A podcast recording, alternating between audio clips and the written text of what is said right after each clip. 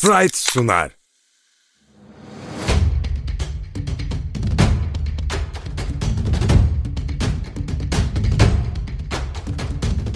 Top yalan söylemez. Avrupa'nın parke zeminlerinden seken zamansız sohbetler. Hazırlayanlar Uğur Ozan Sulak, Ahmet Çakı, Yiğiter Ulu. Top Yalan Söylemez'in yeni bölümüne hoş geldiniz. Ben Uğur Ozan Sulak, Yiğiter Ulu ve Ahmet Çakı ile birlikte bugünkü yayında sizlerleyiz her zaman olduğu gibi. Ee, yine genel bakış atacağız takımlarımıza. Hem Anadolu Efes hem Fenerbahçe Beko'ya. Ee, bir de tabii Mike James mevzusu var. CSK'da yani bitmek bilmeyen bir hikaye olarak sezonun devam eden kısmında çok gündemde kaldı ama şu anda taraflar devam etme kararı aldı. Biraz da uzun süredir konuşmadığımız düşüşte olan bazı takımlar işte Valencia, Baskonya gibi bu takımlara değinmeye çalışacağız. Ahmet abi Fenerbahçe Beko kısmında her zaman olduğu gibi senden başlayayım. Senin notların var. Ne kadar hazırlandığını ben buradan görüyorum. İzleyicilerimiz göremese de. Yani 8 maçlık bir galibiyet serisi. Tabii burada psikolojik açıdan çok önemli galibiyetler de var. CSK galibiyetini zaten uzun uzadıya konuşmuştuk. Yani kim kim maçını kimsenin bu stüdyoda değerlendirmek isteyeceğini düşünmüyorum ama Maccabi galibiyeti tabii ki önemliydi. E, şimdi Zenit maçı var. Yani genel son haftaki performansa baktığın zaman takımın bu istikrarını korumasını neye bağlıyorsun? Şimdi Fenerbahçe ile ilgili genel konuşmaya başladığımızda en önemli şey takım halinde üretim bence. Yani asist sayısının giderek artması. Hatta bazı rekorlar da kırdılar herhalde kendi kulüp rekorları Evet, çerçevesinde asist rekoru. asist rekoru. Ya bu bile başlı başına birçok şeyin göstergesi. Çünkü sezon başına itibaren Fenerbahçe Beko'ya baktığımızda kimse bu takım müdafaa yapmazı değil de daha çok işte Euroleague'de ilk kez olan oyuncularla hücum üst limiti hedeflediği yerleri gerçekleştirmeye yetecek mi diye sorgularken asistin ve skorun birbirine bağlı olarak bu kadar artması bence çok olumlu. Zaten galibiyet serisi de bunu açıklıyor. Buradaki tabii ki en önemli faktör Veseli.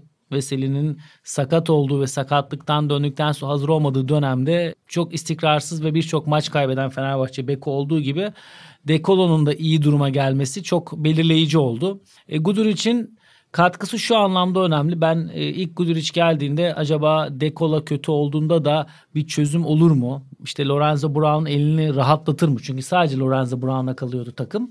Ortaya şöyle güzel bir şey çıktı. Bilmiyorum Fenerbahçe yönetimi ve teknik yönetim bunu ne planlayarak yaptı ama Dekola ve Guduric yan yana beraber verimli bir şekilde oynuyor. Burada da Guduric'in bence uyumu çok önemli. Çünkü Dekola iyi durumdayken çok topa dokunmadan da faydalı oynayıp sıra ona geldiğinde de bir anda devreye giriyor. Yani aynısını biz Anadolu Efes'te geçen yıl Misic ve Larkin'de çok konuşuyorduk. Bu yıl hatta kaçan noktanın da olduğunu geçen programda dile getirmiştik. Yani Guduric'in öyle bir özel yanı da var. Yani bunu herhangi bir oyuncuyu getirseniz yakalayamazdınız. Birincisi Avrupalı bir oyuncu olması. İkincisi Fenerbahçe Beko'da daha önce oynamış olması bence çok önemli. Burada diğer bir faktör de Lorenzo Brown'un yeni rolü. Guduric, Dekola kendi arasında böyle bir uyum yakalarken Lorenzo Brown da kenardan gelip yardımcı rolde çok daha etkili olduğunu o baskı üzerinden rakip ona, ona ana oyuncu gibi önem vermediğinde daha iyi iş yaptığını gösterebildi.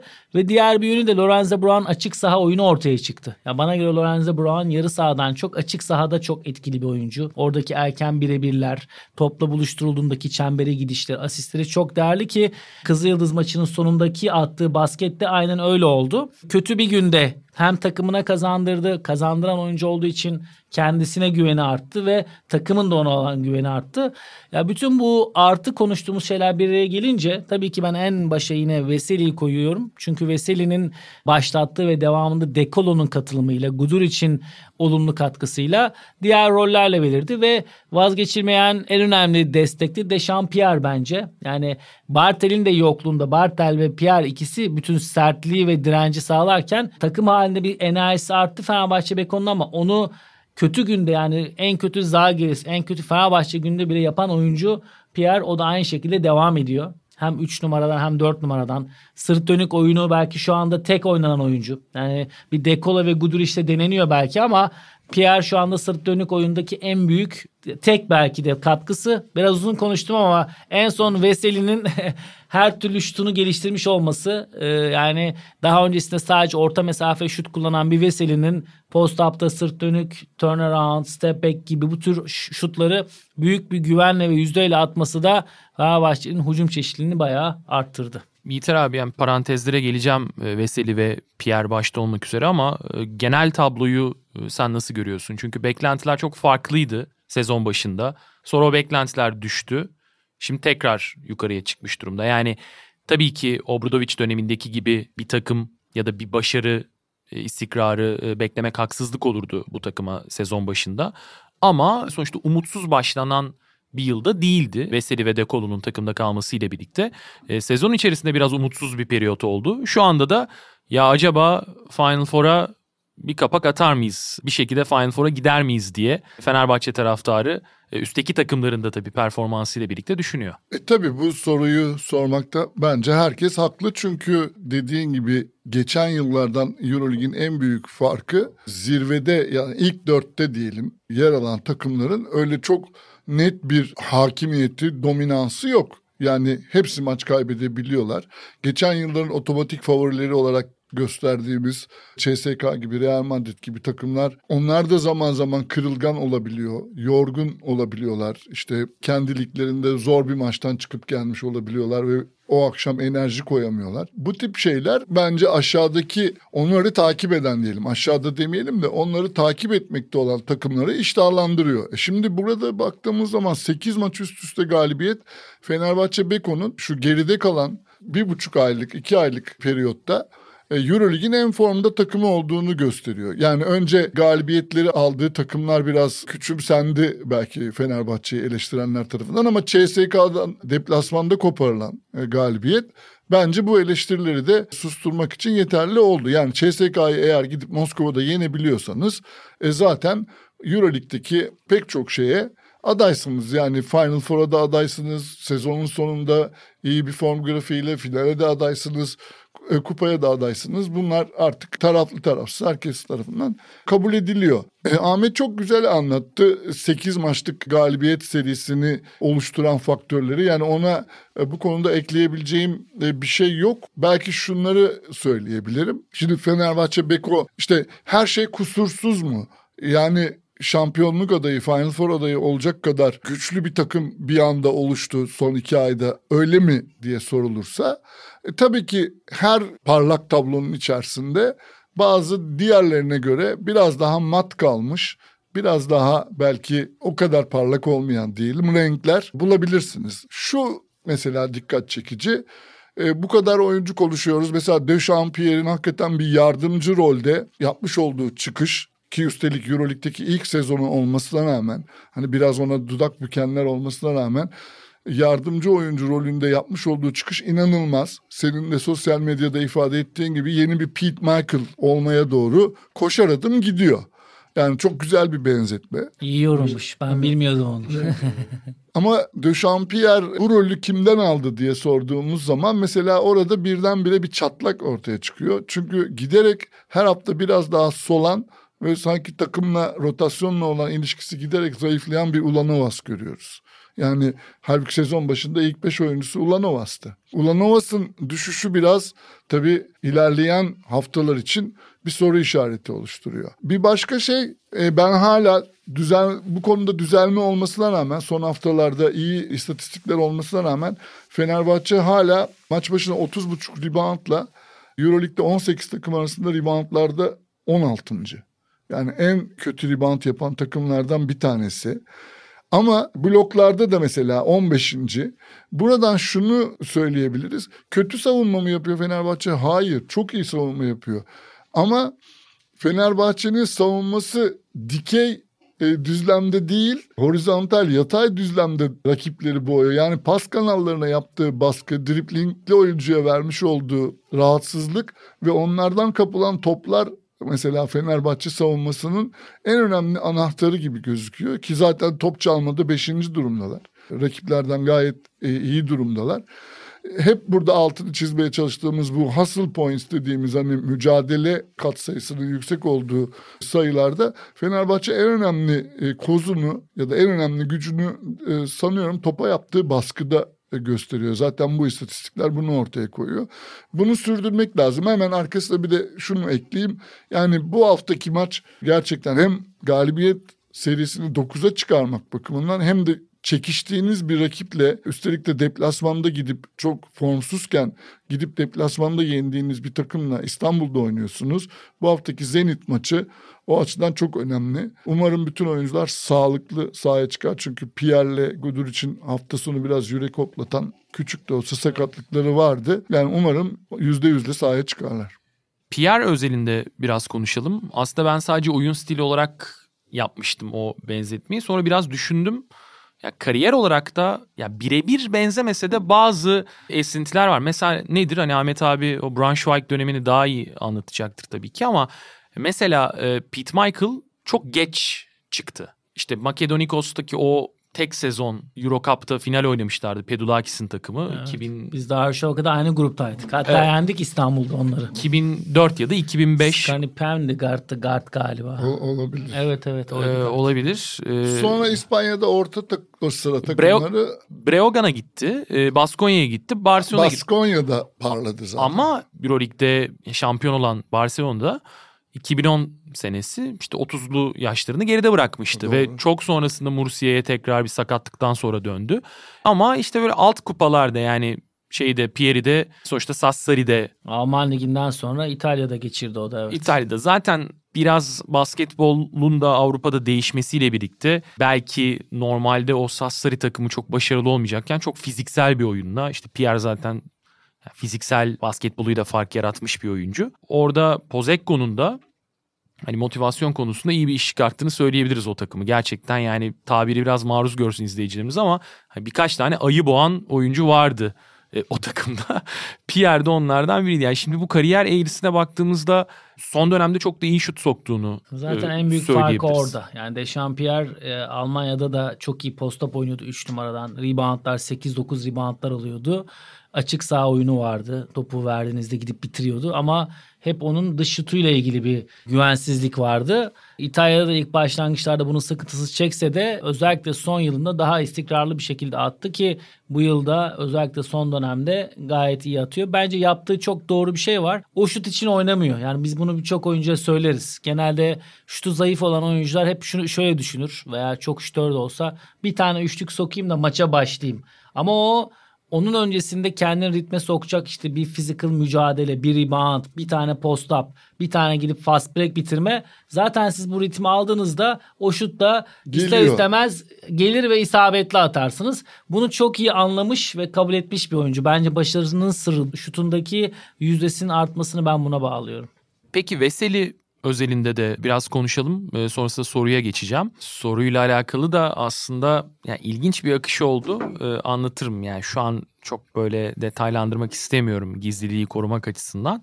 Yan Veseli ile alakalı e, bu değişimi tamamen Kokoşkov üzerinden mi okumak lazım? Yoksa farklı faktörler işte takımın şu anki performansında farklı yerlere bakmamız gerekiyor mu? Yok ben sadece bu sezonda ait bir ya meseleyi görmüyorum yani Fenerbahçe Beko'da zaten eski bir oyuncu. Çok uzun yıllardır takımı sahiplenen, hani burada kendini çok iyi hisseden ve Obradoviç döneminden gelen çalışma alışkanlığını, iş disiplinini de koruyan bir oyuncu. Bence o sayede zaten ayağa kalktı. Tekrar eski formuna ulaştı. Ama problem şuydu yani sakatlıklar onu ona o kadar çok zaman kaybettirdi ki onu yolundan alıkoymuştu. Yani bir türlü fizik olarak tam hazır olmadığı için e, istediği pek çok şeyi sahada yapamıyordu ya da yapamayacağını düşündüğü için daha baştan vazgeçiyordu bazı şeylerden de. Biraz böyle okuyorum ben Yan Veseli'nin durumu. Şu anda kendini iyi hissediyor. Yani fizik olarak onu o güce de çalışarak kendisi e, erişti. Ve dolayısıyla da tekrar eski Veseli'yi görüyoruz. Ben Fenerbahçe Beko'nun bu yıl 5 ya da 6 tane Türkiye Ligi ve Euroleague maçı toplam maçını izledim. Ve Selin ne zaman kadroda olduğu maçlarda hep böyle kendine özel bu attığı atışları çok çalışıyor.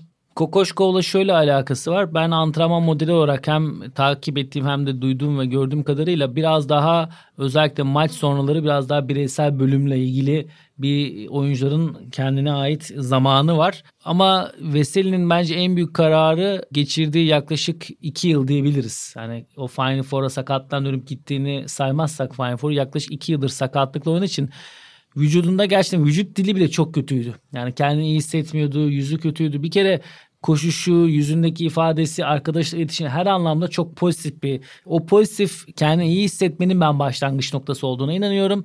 Bir de yani sakatlıklara bağlamak istemiyorum bunu. Hani çok zıplayıp smaç atarsam sakatlanabilirim değil ama oyununa bir şey ekleme ihtiyacı hissetti bence. Yani oyunun değişiyor. Ben de sakatlığa hem bu sakatlık döneminde kendi bir şey eklemek adına, bir silah eklemek adına hem de daha çok zıplamadan, daha çok kontak almadan da teknik yönüyle de bir fark yaratmaya ben kafasını yorduğunu ve kendine iki tane yeni atış eklediğini görüyorum. Hem floater'ını geliştirme, bir turnaround şutu. O anlamda en önemli şey bu pandemi döneminde de bence iyi çalışmış, karar vermiş yani Veseli.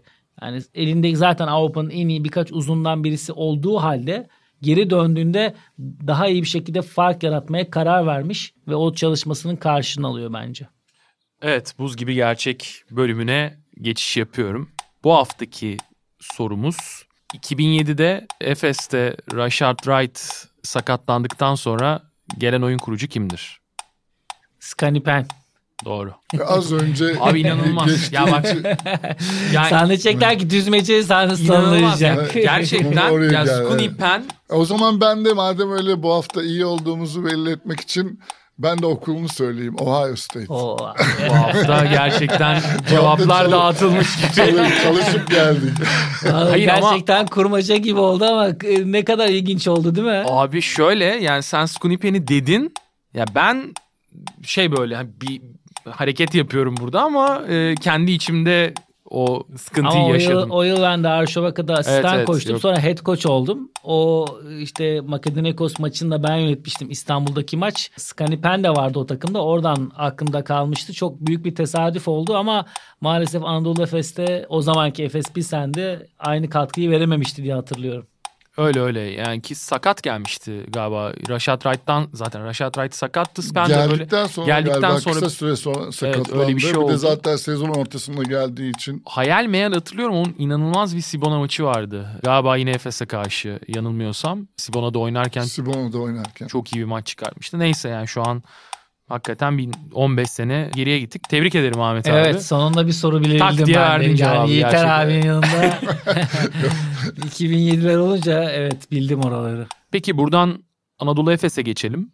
Yani çok fazla şey değişmedi şimdiye kadar. Hala Efes'te tabii bekleme halindeyiz. Ee, Ergin Ataman da bekleme halinde. Hatta e, biraz haklı olarak Makabi maçının ertelenişine ver yansın etti. Evet. Ya bu dönemde Makabi ile oynamakla bir ay sonra oynamak pekala fark edebilir. Efes kesinlikle haklı bu açıdan da. Kızıl Yıldız galibiyeti var ama işte Shane Larkin'in kasık sakatlığının ciddi olmadığını düşünürsek şu anda bu ivmeyi Barcelona deplasmanıyla birlikte devam ettirmeyi umacak Efes.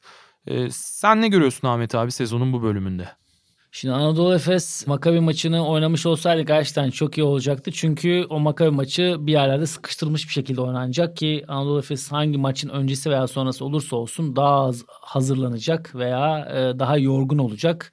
E, o açıdan pek iyi olmadı ki İstanbul'a kadar gelmişken oynasalardı herkes memnun olurdu. Hem izlemekten hem de onlar da o maçı kazanarak geçmekten çok mutlu olurlardı. Anadolu Efes bence en önemli oyuncuları sağlıklı. Yani Shane Larkin'in kasık sakatlığının çok ciddi olmadığını söyledin sen.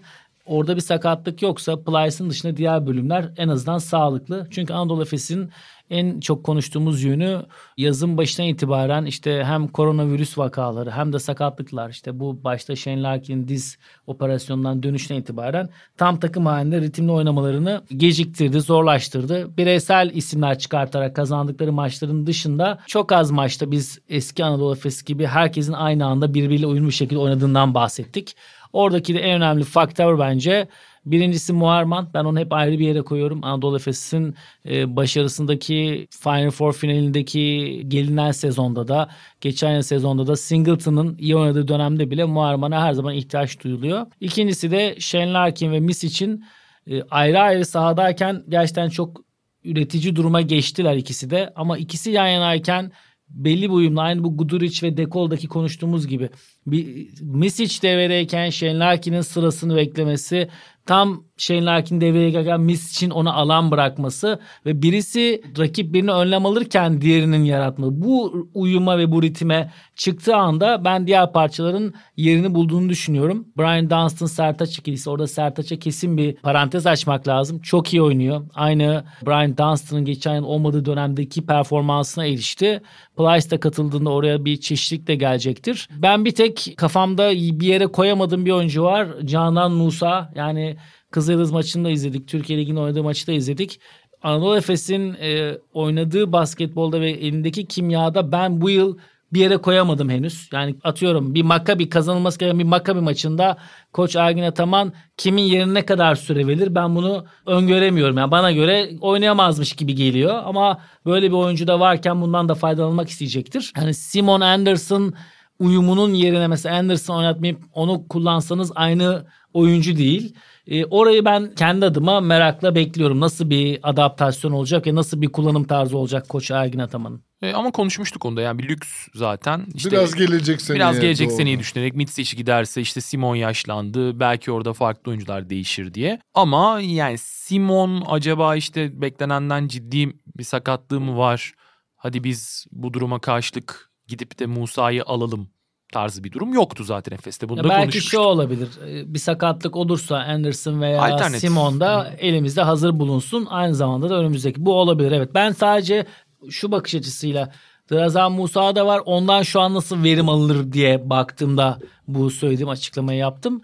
Ama onu da merak ediyorum kendi adıma. Çünkü Sedevita'da oynarken Boston bir takımda oynarken bir potansiyel hep vardı. NBA'ye gitti. Orada ciddi süreler dağıldı. Denendi. Şimdi Euroleague'e geldiğinde gerçekten fark yaratan bir oyuncu olabilecek mi?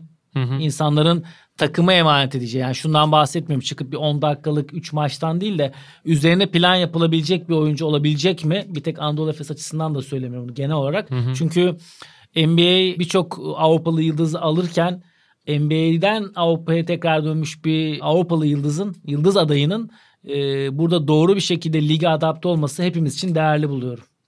E, Yiğiter abi sen neler söyleyeceksin e, Efes'in gidişatıyla alakalı? Anadolu Efes son 7 maçta 5 galibiyeti var. Yani bu şimdi ilk bakışta, ilk söyleyişte çok kulağa iyi geliyor. Ama kaybedilen maçlar içeride Real Madrid ve deplasmanda Zenit'e. Ki Zenit maçı da böyle e, aslında biraz hani anahtar bir maçtı. Hani çekiştiğiniz e, size doğrudan rakip olan bir takımla deplasmanda oynuyorsunuz. İstanbul'da da kaybetmişsiniz. Hani öyle bir maçtan galibiyetle dönmek Anadolu Efes'te bir özgüven patlaması ve geçen sezonki forma dönüş konusunda çok olumlu bir sinyal olabilirdi. Olmadı. Ee, biraz ertelendi sanki o olumlu sinyal biraz ertelenmiş gibi oldu ve Ergin Ataman'ı da bir takım arayışlara ittiğini düşünüyorum ben o maçın. Şöyle ki Kızıl Yıldız maçında gözlediğimiz kadarıyla Misic ile Larkin'i ayrı ayrı sahada tutmak yani birbirlerini yedeklemek gibi bir şeyler denedi. Tamam maçın gidişatı çok rahattı. Anadolu Efes genelde farklı önde götürdü maçı. E, rakip de e, sonları e, hariç pek gelemedi. Pek varlık gösteremedi. Ama gene de hani Boboa'dan, Simon'dan topa yön verici olarak acaba neler çıkabilir, neler eklenebilir, B planları olabilir mi? Hani Misic'e en çok yardım edenin Larkin olduğu tablo değil de bunun alternatiflerini görmek istedi Ergin Ataman. Ee, bunun sezon içerisinde oyunu çeşitlendirme bakımından önemli bir hamle olarak yorumluyorum ben. Yani Moerman konusunda Ahmet'e katılıyorum. Bence bu takımın e, barometresi gibi istikrarla eş anlamlı bir oyuncu. Ama Singleton yani onunla aynı pozisyonda olan Singleton'ın çok çarpıcı bir düşüşü var. Yani Singleton'ın da kendini toplaması özellikle bu plaşsız geçilen bu dönemde e, mutlaka takıma fiziksel olarak boyalı bölgede bir sertlik, bir katkı vermesi gerekiyor.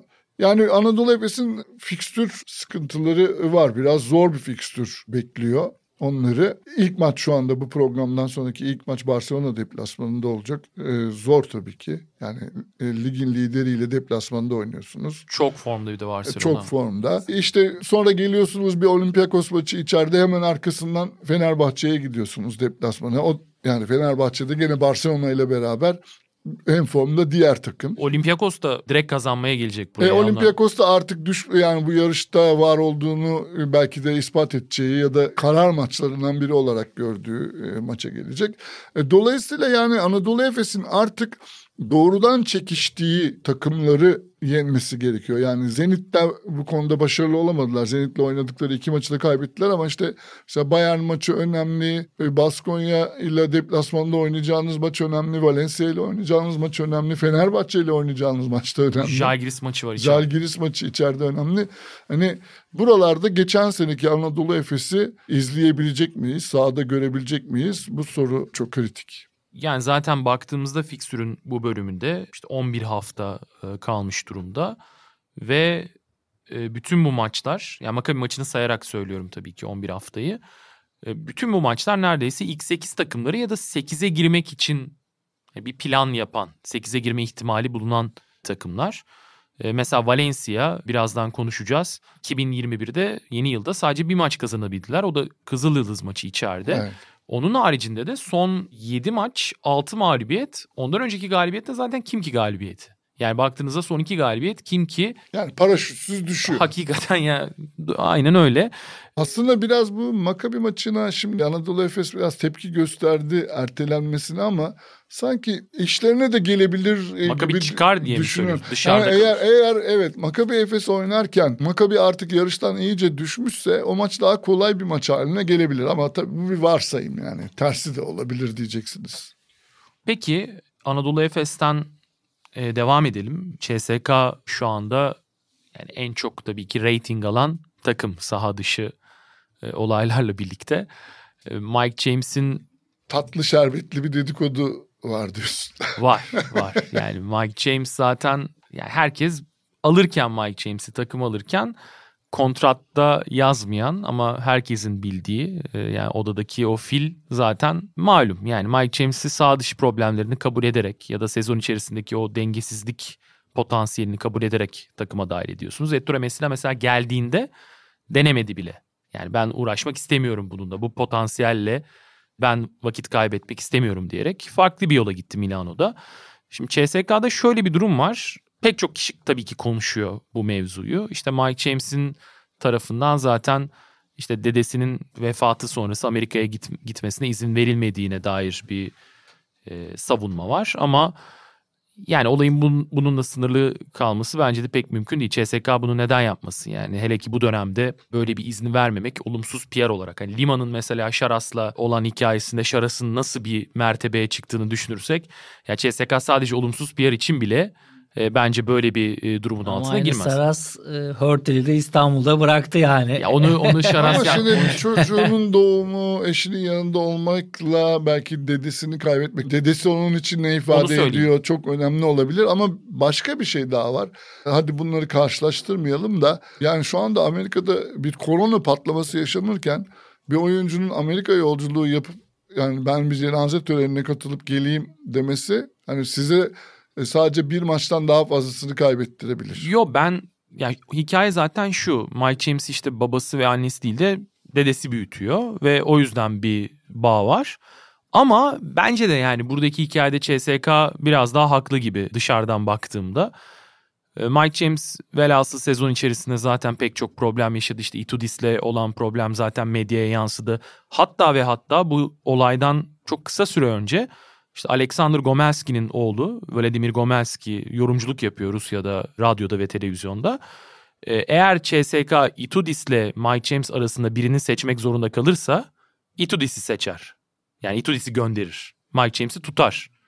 Demişti Ben ki bunu da hayır yani bu olacak diye değil ama bunu Vladimir Gomelski söylüyorsa e, bu içeriden bir bilgi. Sırbistan'daki Final Four'u hatırlıyorsun. Sırbistan'daki Final Four'da yarı finalde kaybettiği anda CSK herkes işte o gün işini kaybettiğini söylemişlerdi. Orada bile Itudis'ten vazgeçmeyen bir kurum. Sırbistan değil şeyde Vitoria'da şampiyon olsun CSK Itudis yine gidecek diyordu herkes NBA'de. Ya işte bu birazcık e, dedikodu da. Yani bence şuradan başlamak lazım. Birincisi Ettore Messina'nın e, Mike James'i istemediğini söyleyip ki kontratı varken bırakmasından başlamak lazım bu konuya. Ettore Messina dışında bence belki bir koç daha sayılabilir. O şartlarda ben Mike James istemiyorum diyecek. Herkese şöyle bir şey oluyor ki hemen CSK o sırada atladı kaptı zaten Mike James'i. Ya bu kadar yetenekli bir oyuncu var. Hazırda kontratlıyken ben bunu yaparım. Ben başı her zaman bir kendine güven duyar her koç. Ben de olsam öyle yapardım %99. Ama Ettore Messina'nın farkı bence burada bunu yıllarca veya birçok bir kez başından geçtiği için belki NBA'den böyle bir başlangıç yaparak bir mesaj vermeyi tercih etti. Yönetimine, diğer oyunculara, taraftara, Taraftara. burada yeni bir şeye. CSK'nın da bence en büyük hatası zaten orada hemen buna o anda Decolo ve Rodriguez'den vazgeçmiş bir CSK'nın şampiyonluk sonrasında bunu hemen bir hamle olarak değerlendirip almasıydı. Oradan başladı. Çünkü e, Mike James belki ligin en yetenekli kısası. Kısalarından biri değil bence en yeteneklisi belki Shane Larkin'le beraber. Ama etrafında şampiyonluk için bir takım kuracak bir karakter ve bir oyuncu değil. Ya geçmişe gidelim. İki bir, Final Four maçı var zaten. E, evet. Bir tanesi Baskonya ile. İkisi de Baskonya ile. İşte sürpriz Baskonya. sürpriz bir şekilde kimsenin beklemediği Perasovic'in koç olduğu zaman hiçbir şampiyonluğu yok. Yani Mike James ilk kadro dışı da biz burada konuştuk. Hatta Darren Hillard çok öne çıktı. Belki bu bir CSK için yeni bir yol haritası olabilir diye konuştuk ama bu tabii ki olmadı. Tekrar Mike James geldi. Bence Mike James ile geçen yıl anlaşıp devam edilse bile ilk bu olay olduğunda o dönemde yerine bir oyuncu katılsa veya eldeki takıma uyumlu bir kısa alıp o kadar skor olmasa da gerek kalmadan çünkü o zaman yelpaze biraz daha geniş oluyor oyuncu ekleyebilmek adına. Hem NBA'den hem Çin'den hem de aynı zamanda Euroleague'deki diğer takımlardan oyuncu alabiliyorsunuz. Şu anda yeni bir kimya ile 3 aylık 4 aylık bir dönemde başka bir yola da girmiş olabilirdi. Ama bence Mike James'i aldıktan sonraki o ilk alarm ortaya çıktığında da bunun önleminin alınmaması bence bu noktaya getirdi. Çünkü Mike James çok önemli bir oyuncu yetenek olarak ama değişebilecek, uzun sürede değişebilecek bir oyuncu değil bence. Ya kısa sürede o da bir reaksiyon verdi. Hatta o kadro dışından sonra 3-4 hafta çok iyi oynadı. O anlamda ben e, çok kolay görmüyorum. Ama e, o da sonuçta sezonu iyi bitirmek isteyecektir. Sezonun son bölümüne giriyoruz. Yani CSK'da geçen sene bitirilemeyen bir sezon var pandemiden dolayı. Bu yılda Milano'da onun görevine son verip gidilmesi istedikten sonraki göstermesi gereken en önemli bölüm. O da elinden gene yapacaktır ama şu ana kadar zaten Mike James varken de çok net bir basketbol ve çok net bir istikrar ortaya koymayan CSK'yı ben çok kolay görmüyorum.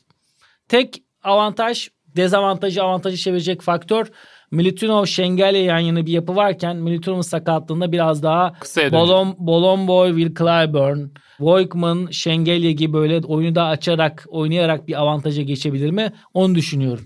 Ahmet abinin aslında söylediği çok önemli bir şey vardı İlter abi. İşte CSK biraz böyle negatif enerjileri de toplayıp oradan bir pozitif enerji çıkarmayı seven bir kulüp. Yani çok kendine güvenen, tepeden tırnağa yani Vatutin'den başlayarak ya da hani takım sahiplerinden başlayarak koça kadar ya Mike James mi? Tamam biz bu ortamda hani onu da çözeriz. Onu da e, bir şekilde verimli hale getiririz gibi bir özgüven var CSK'da. Hani bunu da altını doldurduklarını söyleyebiliriz. Çünkü var yani, örnekler. örnekleri var geçmişte. Ama Mike James'in hikayesinde şu yani işte Final Four maçını konuştuk. Uzatmada kazanmıştı Fenerbahçe o maçı. Ha, Brusis ve Darius Adams'ın müthiş oynadı. Hatta Kim Tilly çok iyi oynamıştı o maçı. Mike James mesela ama sahanın en kötülerinden biriydi e, Fenerbahçe'ye karşı da. Tamam tek Final Four maçı. Diğeri de hadi dediğiniz üçüncülük maçı. Ama Final Four maçları özelinde konuşmayacaksak o zaman bu adam zaten Euroleague'de oynuyor uzun yıllardır. Bari görseydik yani biraz daha ileriye gidişini görseydik. Ya şimdi Mike James çok küçük bir okuldan geliyor. Yani Amerika'da Hangi okuldan abi? Lamar. çok kötü bir konferansın küçük okullarından bir tanesi. Yani Amerika'da e, öyle anlı şanlı herkesin dikkatini çekecek bir kolej kariyeri yok. Ondan sonra geliyor Hırvatistan'da KK Zagreb. Sonra İtalya, İsrail kısa süre. Sonra İtalyan ikinci ligi. Oradan Rodos. Rodos'tan Baskonya'ya atlayan bir kariyer. Tamam yani hızlı bir yükseliş olabilir. Skorer kimliğiyle hemen bazı takımların dikkatini çekiyor bazı koçların. Ama yani fundamental olarak baktığımız zaman hani basketbol kimliğinin şekillendiği yıllarda diyelim. Hani böyle çok iyi bir koç tezgahından, çok iyi organizasyonlardan, çok iyi antrenman düzenlerinden geçmemiş olduğunu görüyoruz. Bunun ben çok önemli bir şey olduğunu, bir insanın eğitiminde, öğretiminde bir aşamanın pas geçilmiş olduğunu düşünüyorum ve önemli sonuçları da olduğunu düşünüyorum sonrasında. Şimdi Mike James'e baktığı zaman e, basketbol severler ne görüyorlar? Çok iyi bireysel istatistikler. Her sene mutlaka skorerler arasında ya bir oluyor ya iki oluyor. Yüksek yüzdeli çok inanılmaz uzaktan zor atılmış şutlar, son saniye basketleri. Yani highlightlarda görebileceğiniz her şey Mike James imzası taşıyor. Bunlar çok yani seyirciyi dışarıdan basketbol takip eden birisini çok cezbedebilir, ağzını sulandırabilir ama koçlar olaya böyle bakmıyorlar. Yani koç haklı olarak böyle bakmıyorlar. Çünkü onlar başka şeylere bakıyor ve bunların başında da senin altını çizdiğin yani bu adam oynadığı takımları nereye götürdü e, sorusu yatıyor. Şimdi Mike James'in oynamış olduğu Panathinaikos takımı Final Four görmedi. Mike James'in oynamış olduğu Armani Milano takımı dünyanın parasını harcamış olmasına rağmen en büyük hayal kırıklıklarından biriyle karşı karşıya kaldı. E, geçmişte bir tane Final Four var Baskonya'da. Bir Final Four senesi var 2015'te. Şimdi böyle bir oyuncudan bahsediyoruz. Yani bu oyuncu bir takım oyuncusu değil. Takımını bir yere taşıyabilen bir oyuncu değil. Arkadaşlarıyla geçmişte pek problem yaşamamış. iyi bir takım arkadaşı olduğu söyleniyor ama koçlarla yaşadı deniyordu. Bu sene CSK'da dışarı sızan haberlere göre biraz takım arkadaşlarıyla da bazılarıyla en azından Şengelye ile durumun pek parlak olmadığı o, gibi o doğru bir takım dedikodular E, duyuldu. Yani Şengelye belki çok kötü gidiyordu sezon başında. Hani bu Mike James'e bağlanmış olabilir. E, dedikodunun çıkış sebebi bu olabilir. Bunlar yani bilmiyorum böyle bagajı olan oyuncular var. O belki orayı konuşmaya da sıra gelecek. Benzer bir tabloyu mesela Baskonya'da Pierre Henry'de görüyoruz. Yani şimdi alırken sizin başınızı derde sokacağını aslında hissediyorsunuz ve bir koç olarak tam gönülden bu transferi onaylamıyorsunuz ama belki seçeneğiniz yok. Belki işte takımın başkanı patronu bastırıyor. Hani eskiden Türk siyasi hayatında kullanılan bir sözcük vardı. Kerhen denirdi. Yani yeni gençler için söylemek gerekirse isteksizce. Yani Kerhen transfer edilmiş gibi geliyor bana e, Mike James CSK'ya. Itudis'in onu bayıla bayıla aldığını zannetmiyorum ben. Bun, bunların başına geleceğini Temmuz ayında, Ağustos ayında da aşağı yukarı tahmin ediyordu bence. Ve korktuğu başına geldi. Yani bundan sonra düzelir mi bu ilişki? Tabii ki CSK gibi bir organizasyonda profesyonelce düzeltilebilir ama CSK'nın şu anda içinden geçtiği dönemde yani kötü sonuçlar aldılar, yalpaladılar. Yani Mike James yok tabii ki bu bir faktör ama Clyburn'un olmaması bence daha büyük bir faktör. Yani şöyle bir geçmişe bakarsak da Rodriguez ve Dekolo varken CSK çok da iyi gitmiyordu. Ama Baskonya'yı eleyip Final Four'a kaldılar. Baskonya'daki Final Four'a. Orada bence Itudis bir şeyi çok iyi yapmıştı. Şimdi siz konuşurken onu biraz düşündüm.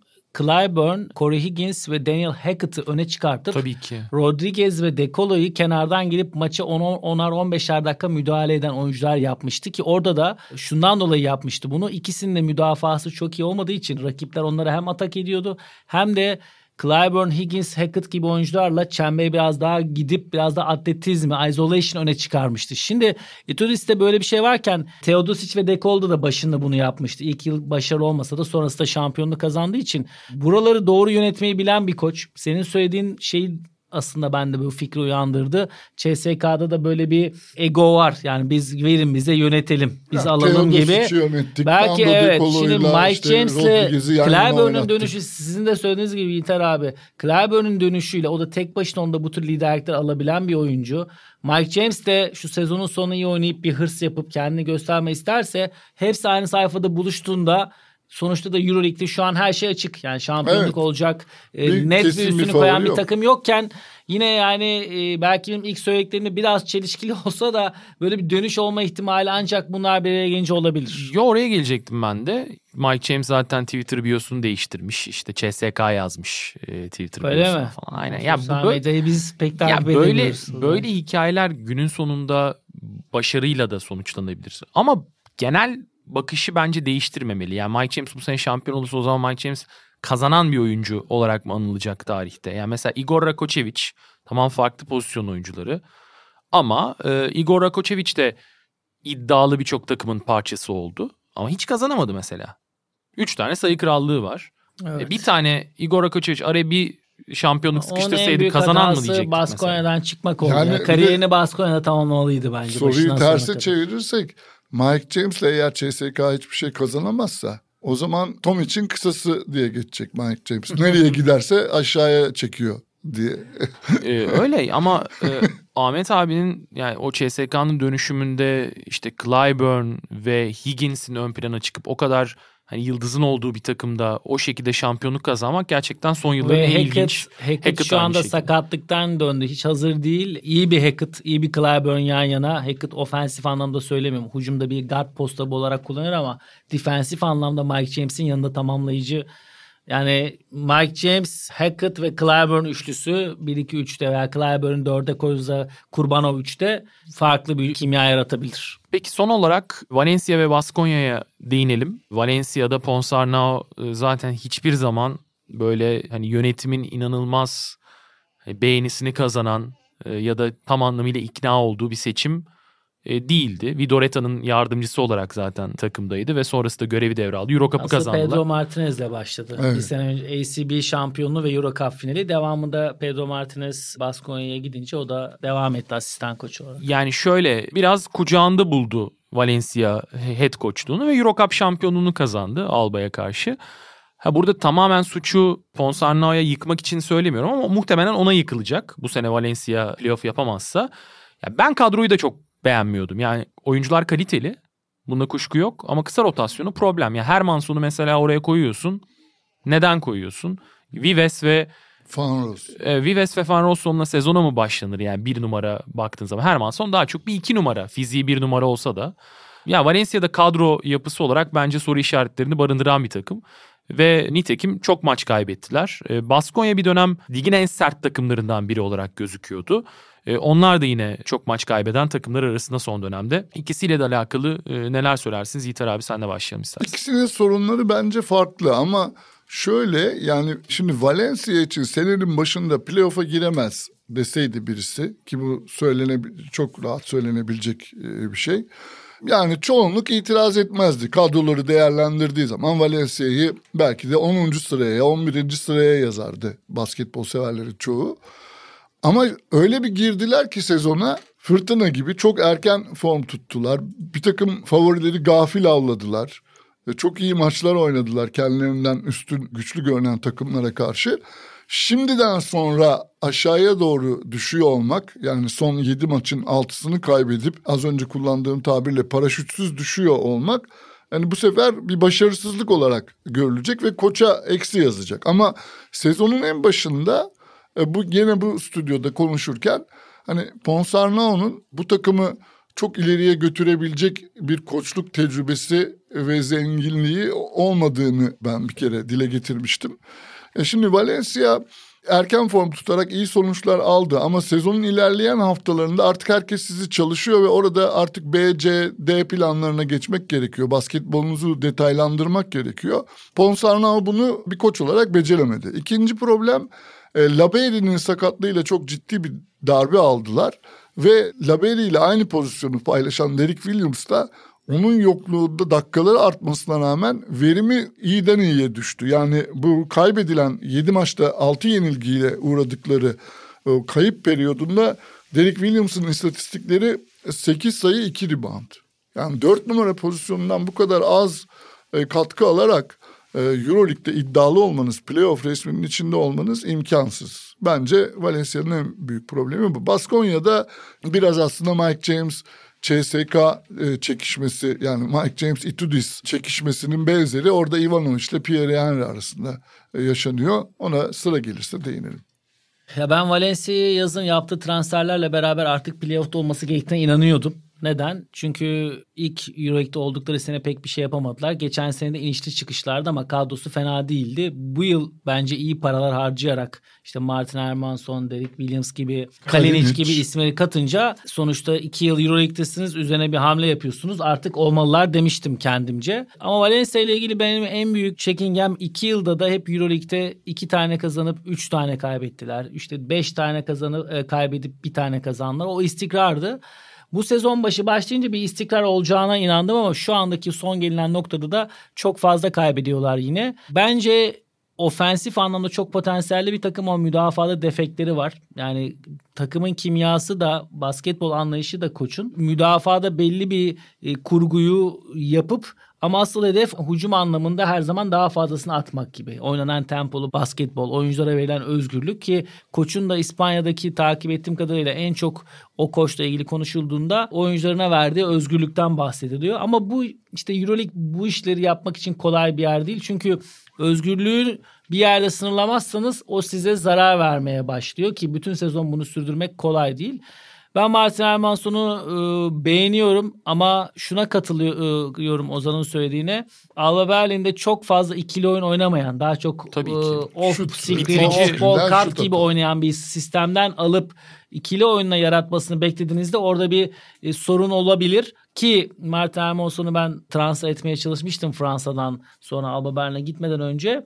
Fransa'daki liginde oynarken gerçekten ikili oyunu çok üst seviye oynayan bir oyuncuydu. Ama yine de sana katılıyorum Valencia için bu anlamda bir riskti. Ya ben Hermanson'u beğeniyorum ama bir de şöyle bir şey var. İşte yaratıcılıktan bahsettin Ahmet abi. Yani Boyan Dublevic sonuçta birincil yaratıcı olarak gördüğün e, oyuncu. Ya ben mesela şu bu kadar maç kaybetlerindeki sorunun gördüğüm bir tanesi Dublevic. Yani Dublevic'in pick and pop'unu kullanacağız diye içeride paint koruyucusuz oynamak bence bir sorun onlar için. Mike Tobey'in olduğu dönemler çok daha etkililer. Ben daha evet. çok beğeniyorum. Yani iş dönüp dolaşıyor. Geçen yıl Türkiye'de çok konuşulan Derek Williams'a geliyor Valencia deyince. Yani iyi mi oyuncu, kötü mü oyuncu, kazanan takımın parçası olur mu? Yani Dublevic ve Derek Williams yan yanayken mesela müdafada çok kötüler. Laberi'yi ben çok beğeniyorum ama onu da sakatla etkiledi. Yani bir sürü soru işaretleri var ama Valencia'nın bence mesela CSK ile ilgili bir şey konuşuyoruz. Son 5-6 yılda ne ortaya koyuyor. Anadolu Efes'in bir kültürü var. Valencia'nın kültürü deyince aklımıza gelen Hucumda bir özgürlükle daha çok sayat oynayan bir takım gibi gözüküyor. Bence istedikleri yerde olmamalarının nedeni de e, genel olarak açıkladım biraz ama böyle diye düşünüyorum.